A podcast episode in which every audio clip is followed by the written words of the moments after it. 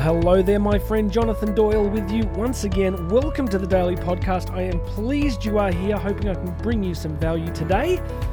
Please make sure you've subscribed. Hit that subscribe button, it is a great help, and share this with family and friends. It would be deeply appreciated as we take this journey together. What is the journey? It's the journey of growth, it's the journey of contribution, it's the journey of small daily steps to construct and live the life that you really want to be living. There's a whole bunch of links under here. You can book me for private coaching, you can book me for conferences and events. It is all there. You can check out the YouTube channel as well. And I'm back on Instagram at JD Speaks. JD Speaks. If you're on Instagram, come and give me a follow there. That would be awesome.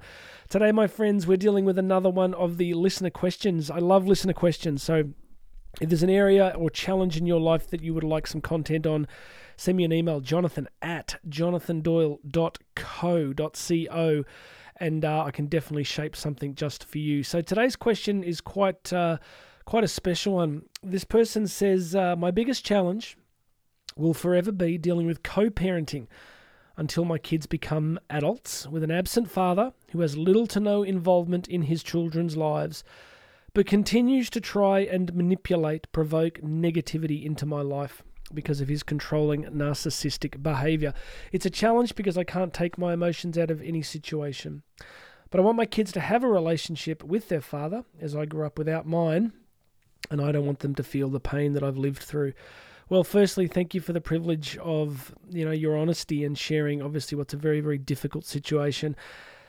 And while the rest of us hearing this may not have that exact situation, let's agree that life is always providing us with questions and challenges.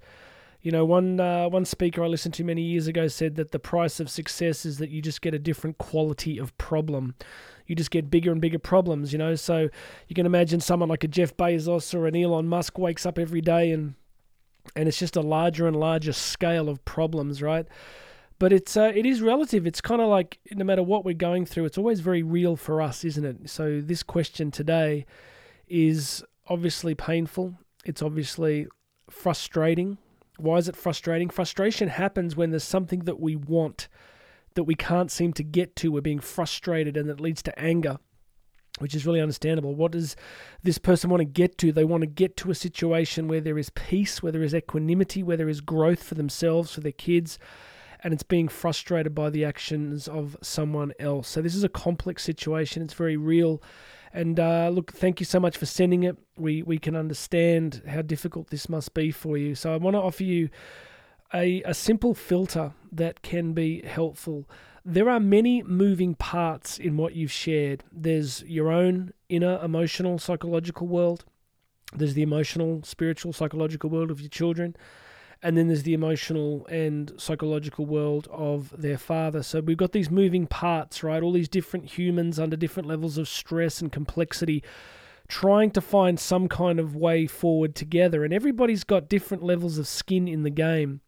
You know, the person that sent me this is obviously deeply engaged and highly motivated to create change and and their kids, you know, the kids involved, who knows that they've got obviously will have schooling and all sorts of things happening, and then you've got the father who's obviously got his own agendas and things happening. So I want to make this point first. What do you do when there's multiple moving pieces and you can't control them all? Because, you know, could we sit down with a piece of paper with this person and say, write down exactly how you would want this to look? And they'd be like, sure, I can describe in detail what I would like. But what do you do when what you like involves a whole bunch of other people and their experiences and agendas? Well, here it is. Ready? It's three words control the controllables. We want to talk today about controlling the controllables. When life gets like this, when you face a really difficult, challenging problem, you have to learn to control the controllables. You have to learn to focus intensely upon the things that you can actually affect and impact because the strain, the stress, the anxiety, the despair, the hopelessness will often come from trying to manage all sorts of different things that you can't actually manage, you know. And there's a grief in this too, right? So let's not downplay that. There's a loss. When you have to accept the reality of other people's choices and decisions, there's a certain grief and loss that comes from that. You know, Karen and I were talking at dinner last night about a complex situation involving family where, you know, one extended family member is is has has made some choices that have been pretty amazing, pretty challenging, and you know, Karen was asking me how how I was dealing with it, and I said, well, you know, I said I, I have to accept reality as it is, and, and that's been a strength for me. I've always been able to kind of accept that people are going to make choices and people are going to walk their own path and make their own story. So I I get a certain peace from I, I don't let myself get too shocked by people's choices. So that doesn't mean in like in an immediate situation if somebody does something really out of control that I won't step in and say what I need to say. But I'm saying in general, you can find a bit of peace in life by coming to terms with human freedom, by coming to terms with the fact that some people are going to behave really well and some people are going to behave really poorly. And you find a certain peace at that moment. You go, okay, I, I can't control their behavior. And then there's a spiritual dimension here, right? Because you're learning to kind of trust that maybe there's something else operating here.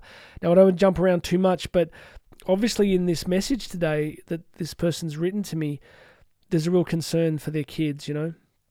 And they're worried that maybe this whole dynamic's going to really affect them. Well, the answer is sure. You know, there's, there's there's definite issues there, isn't there? You know, there's when you've got family breakdown, relationship breakdown, there's always issues there. But we don't know the full picture long term, right? So my own relationship with my own father was was really difficult, really really difficult. And you know, at one point I ended up in a Salvation Army home at the age of 15. And now I've got three children and I'm super close to all of them. So my point being that sometimes it's the experiences that at the time seem really awful that can end up really having an impact later on. So we don't want to go looking for those negative circumstances, but we, we I would say to this person, just hang in there because even though it's difficult and tough, it's it's just as possible that they're learning resilience. Yes, we'd like it to be different. Yes, we wish it could be different, but they could just as possibly be learning resilience. We don't get to see 20 years down the road. We don't get to see 30 years down the road. What we do get to do is control the controllables. So what can she control? What can this person control? As she goes through this very difficult season because it is a season, right? While she's talked about while she's waiting for her kids to become adults. So, what you can control is essentially yourself. What you can control is how you show up in the world now. Yes, there are so many parts you cannot control. Yes, that is disempowering. Yes, that is hard.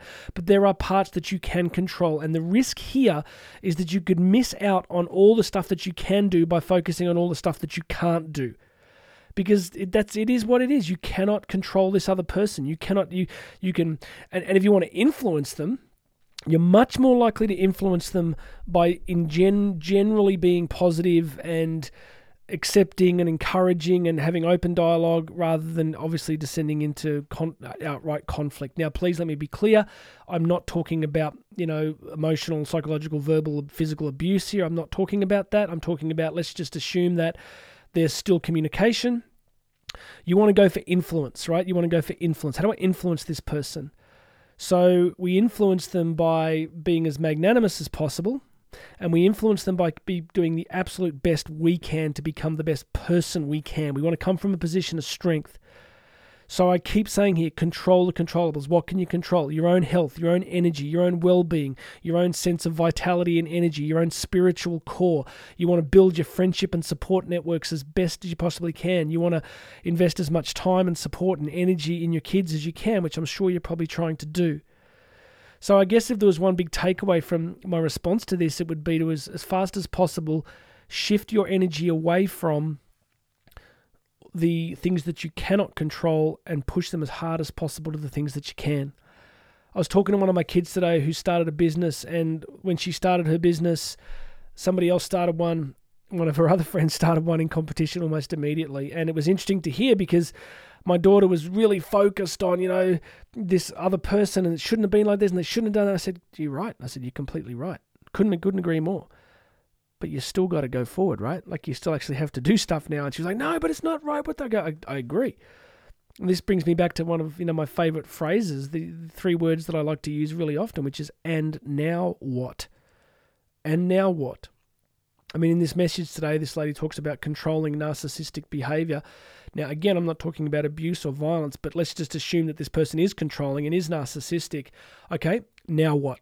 So, what do you do with that? What what what if that is the case? How do you navigate around that? How do you protect yourself and your kids? And how do you you know focus on the parts that you can control, the support that you can get, the people that you can talk to, the relationships that you can build, the fitness and health that you can improve, all those things that are going to sow into your kids looking back and saying, My mother was an absolute boss. She was an absolute giant. She got us through that season.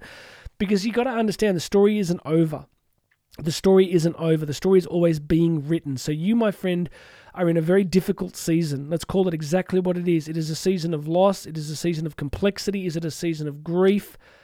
But it also may be the launching pad to an extraordinary new level of life. Maybe this is the catalyst that forces you into a level of emotional, physical, spiritual growth that you didn't think was possible. Because you have something to fight for here, right? You have something really worth fighting for which is what? Which is your kids, and for yourself. So you've got you've got the fuel source, you've got the reasons. So let's me look for everybody listening. We got to control the controllables. So maybe your issue isn't this. Maybe your issue is something you know less, or maybe it's worse. Who knows? But I want to encourage every single one of us to focus on the things that we can control. Again, I was talking about my kids today about the way that COVID impacted us you know, my career basically screamed to a halt. All the travel, all the stuff I was doing just ended. And I gotta be honest, it was it was awful. It was just a lot of anger in me, a lot of resentment and bitterness about how this thing was done and how it was handled, and complete loss of freedom and rights. It was just utterly ridiculous. And so to get to a point where I go, yep, that's what happened. That is what happened now, Jonathan. What do you do next? How do you rebuild? How do you move forward? What do you do with this? You can't stay stuck there forever. We've got to all keep moving forward. All right, you can tell I'm passionate about this, but my friend, thank you for your email. Now get back in the game. Get back in the game and, and take actions, right? Don't just don't think about this forever. Start taking actions. What does that mean? Maybe it means join the gym. Maybe it means do this X with your kids. Maybe it means increase your spiritual practices. Maybe it means you increase your health and nutrition, whatever it is. Just go to work on you. Control everything that you can reasonably control and, and just let the rest be what it is for now. All right, everybody. It's a big message today. I hope it the uh, I hope that the concept itself is useful to all of us. That we need to focus our energies on the things that we can control, not the things that we can't. Please make sure you've subscribed. Hit that subscribe button. Go and check out all those links. Personal coaching with me we jump on a Zoom call, we identify the gaps and challenges and, and, issues in your life that you want to improve and resolve. I work with you on a regular basis to transform any area of your life. You can also book me to speak live, conferences, events, or to train your staff. It is all there, so go check out those links. God bless you, my friend. My name's Jonathan Doyle. This has been the Daily Message, and you and I are going to talk again tomorrow.